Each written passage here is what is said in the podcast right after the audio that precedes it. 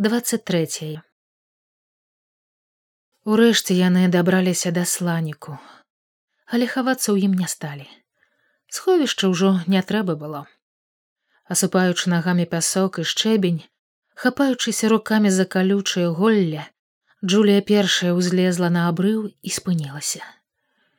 Іван бокам заносячы хворую нагу лес следам.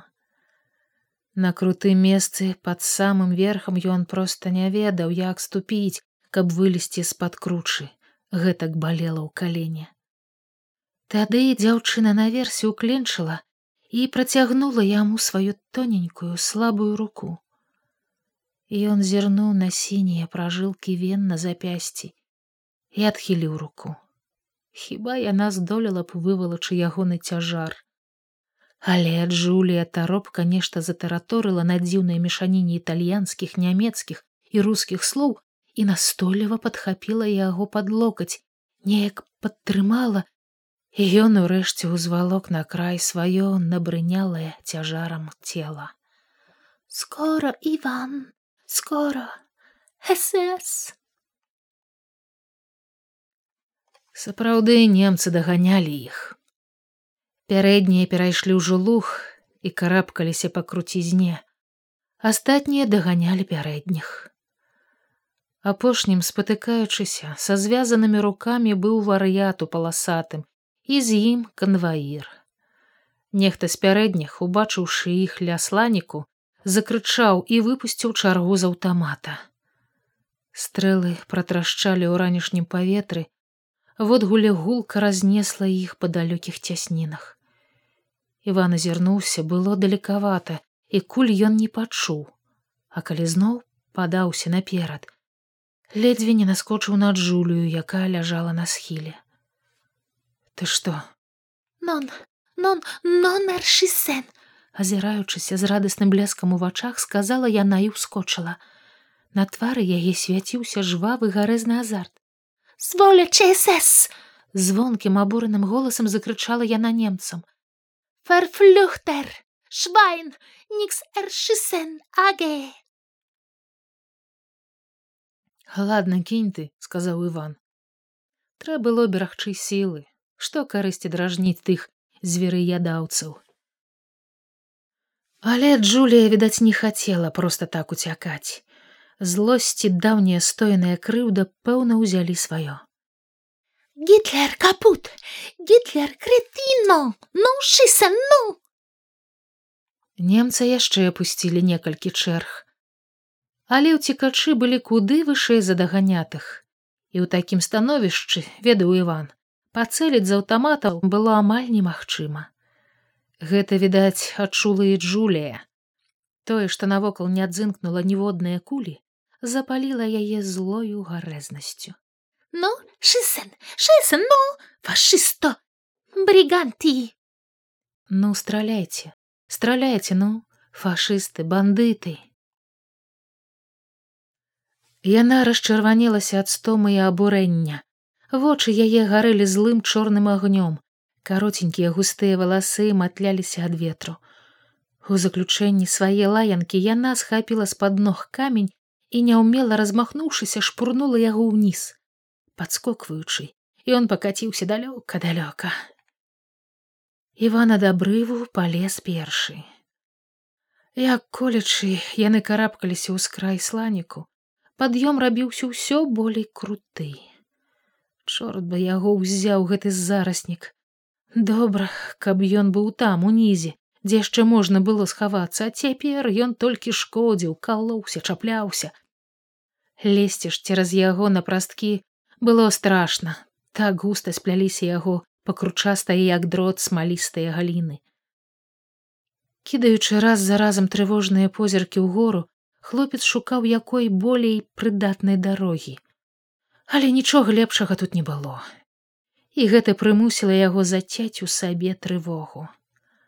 У гары іх чакаў новы куды больш за папярэдні сыпучы абрыў. Узлезці на яго яны мусіць не здолеюць Джулія аднак пэўна таго не бачыла і не адчувала занятая сваркай з немцамі яна крыху адстала а пасля таропка даганяла яго. Ён, задыхаўшыся, прысеў і выцяг уніз хворую нагу. Іванья, нога спалохана глянула яна знізу. Ён не адказаў. Нога, дай нога. Ён моўчкі ўстаў і зноў паглядзеў на кручу.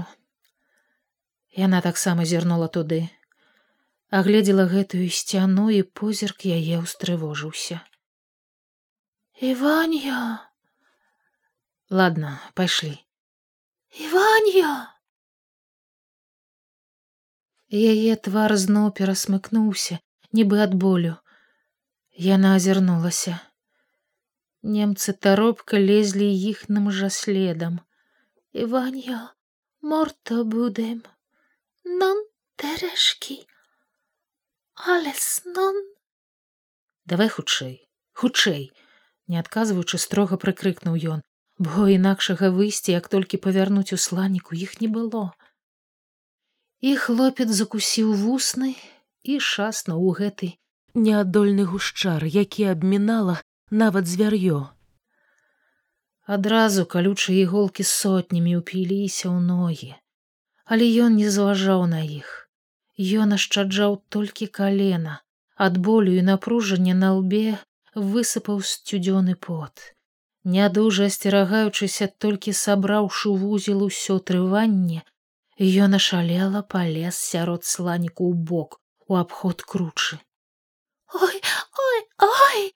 Роспашна войкала Джулі, але таксама лезла за ім. Не вельмі умела, не разбіраючы шляху, часта чапляючыся за калючча і падаючы. Ён не супакойваў яе і не падганяў. Ён толькі азіраўся на край стромы, дзе вось вось павінны былі паказацца немцы. Праўда, на гэты раз ім пашанцавала. Яны амаль што дабраліся да верхняй мяжы зарасніку, калі ўнізе з закручы вылез першы эсэсман. Тут ён рабіўся ўжо небяспечны, бо яны хоць і адышліся далей, але мала ўзняліся ў гору. Розніца ў вышыні паміж імі і немцамі была невялікая. Як толькі немец узняў галаву, каб згледзець іх, Іван таропка прыцэліўся з пісталета і стрэліў. У гарах гулка пакацілася ад галосся. Вядома, ён не пацэліў. Было далекавата. Але немец засцярожліва шаснуў падабрыў, і ў паветры затым разнеслася доўгая рассыпістая чарга. Трт трт трт усё далей адносячы, размножылі чаргу горай. Калі рэха сціхла, уцікачы кінуліся далей. Нечаканы пісталетны стрэл пэўна збянтэжыў немцаў і на кручы нейкі час ніхто не паказваўся. Пасля на краі яе з'явілася паласатая постаць. Іваньё гёртлінг! Вар'ят шырока расставіўшы ногі узлез на кручу і хістаючыся закрычаў ім сваім недарэчна сарваным голасам. Русе! Русе хальт Worum de geist weg? Sie wollen брод гебен. Рускі, рускі стой, чаму ты ўцякаеш? Яны хочуць даць хлеба. Цурюк! крыкнуў Іван. Шысен! Вар'ят угнуўся і кінуўся назад. Там на яго чуваць было закрычалі немцы і крыху шчакаўшы амаль адначасова ўсе, колькі іх там было, высыпалі з-за абрыву. Здаецца, становішча ўсё горшала. Да седлавіны, дзе канчаўся сланік было зусім блізка, але ўжо тут немцы маглі дастаць з аўтаматаў. Трэба было як-небудзь затрымаць іх і прарвацца за седлавіну. Іван укленчыў, прысланіў ствол пісталета да хісткае галіны сланіку і стрэліў другі раз, затым трэці пасля ўгнуўся стаіўся ў нізкарослым гушчары да яго на чацвярэньках шаснула джулія иван нон патроны алес нон алес иван не ўсе патроны не ўсе Ён зразумеў, дакрануўся да яе худзенькага пляча, супакойваючы. Два патроны ён, вядома, пакіне на самы паследак. Ён чакаў страляніны з боку немцаў, але тыя маўчалі. Шырок разбегшыся, яны таксама палезлі ў сланік. Тады ён ускочыў і, прыгінаючыся, каб хоць троху прыкрыцца, пакуль гікаў угору да седлавіны з бок кручы. Мусіць, немцы ўсё ж зрабілі памылку, што, гледзячы на іх, самі падаліся ў сланік. Гэты зараснік, аказваецца, не толькі затрымлівае рух, Ён яшчэ не даваў бачыць, прыцэліцца, і пакуль яны валакліся там, Іван з Джуліяй ледзьве жывыя ад стомы дабраліся да седлавіны. З апошніх сіл, усім целам чакаючы стрэлаў ззаду, яны дабеглі да яе і кулямі скаціліся на другі бок. Іван перш-наперш акінуў позіркам новы далягляд. З аднаго боку аж пад самыя нізка навіслыя аблокі узнімаўся гэткі ж як ззаду круты камяністы схіл. З-пад ног гонка каціўся спуск лагчыну, за якой пачыналася новая невысокая горная складка. Сям там раскіданыя над гарамі плылі белыя як авечы статак аблокі. Вышэй ад іх суцэльная навісь хмар закрывала снегавыя вяршыні як толькі яны выбеглі з седлавіны Джулія склаўшы ля грудзей далоні упала на калені і вусны яе таропка таропка зашапталі нейкія словы. Ты што крыкнуў ён яна не адказала а яшчэ прашаптала некалькі слоў і ён дужа кульгаючы пабег уніз яна тут жа ускочыла і дагнала яго санта мария поможет! Я просит очень очень! Ён шчыра здзівіўся кінь ты хто паможа давай хутчэй не ведаючы куды падацца і не маючы сілу лезці ў гору яны беглі наўкос па схіле ўніз у лагчыну. Седлавіна з кручай пакуль што затуляла іх ад немцаў. Бегчы ўніз было куды як добра. Цела неслася здавалася само аж падгіналіся калені. Иван аднак усё не мог саўладаць з нагой і вельмі кульгаў. Джулія апярэджвала яго але далёка не адбягалася і часта часта азіралася мусіць тое што яны вырваліся ледзьве не з-пад самага носу ў немцаў поўніла яе жвавасцю і нейкім нястрыманым азартам Зухавата азіраючыся, яна гаманіла з надзеяй і радасцю. Иваньо, ми будет жить, жить, Иваньо, я очень хотел жить. Браво, Вита! Ой, рано, рано радоваться, думаў Іван, толькі ён не пярэчыў, хай. Ён таксама азірнуўся і адразу ўбачыў, як у седлавені з'явіўся першы эсэсман. Ён цяжка вылез з-за выспы рослый у падцятых брыджах. Мундзір на ім быў расшпілены, і на грудзях бялела сарочка. Не, ён не спяшаўся страляць, хоць яны былі не дужа далёка ад яго і куды ніжэй. Ён з паўхвіліны ўзіраўся ў іх, стоючы на месцы, а пасля загаманіў нешта тым, што пэўна ззаду падыходзілі да яго і зарагатаў. Рагатаў ён доўга штосьці гукаў на ўздагон. Пасля спакойна сеў сабе ў седлавіне і зняў пілотку. Джулія падскочыла да Івана і затармашыла яго за рукаў. Иваньо, Иваньо, смотри, он караше тедеско. Он пустил нас, пустил нас, пустил, смотри. Хлопец бачыў усё і не мог даўмецца. Чаму яны не стралялі і не даганялі? Чаму яны кінулі іх і, сабраўшыся купай, пасталі на гары? Адзін з іх адышоўся ў бок і, замахаўшы аўтаматам, пачаў крычаць: « Шнелер, шнелер, ляў шнелер! Хутчэй, хутчэй, уцякай хутчэй. Иваньо, он пускай нас, бегучы радасна ляпятала Джулія міжыт міжыт Іван маўчаў. Што за халера? Што за жарты што яны надумалі?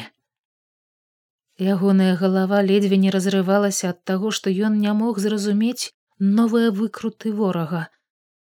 Гэта сапраўды было дзіўна. Але ён ведаў, што тое не так сабе, што немцы не ад дабраты свае спынілі пагоню, што ворагі рыхтуюць нешта яшчэ болей кепскае. Але што? Яны дабеглі самы ніз лагчынкі, прадраліся праз рададэндра на другі яе бок, невысокі, адхоністы ўзлобак і знясілена пайшлі ў гору. Пясчаныя выветраныя калючкі нізкарослай травы ўшчэнт скалолі іх ногі. Але цяпер яны ўжо не адчувалі жорсткасці долу. Джулія то выбягала наперад, то вярталася, азіраючыся на немцаў у гары. Яна радавалася ўсё больш, чым далей яны адыходзілі ад седлавіны. Аднак яго панылы выгляд урэшце не мог не ўстрывожыць яе.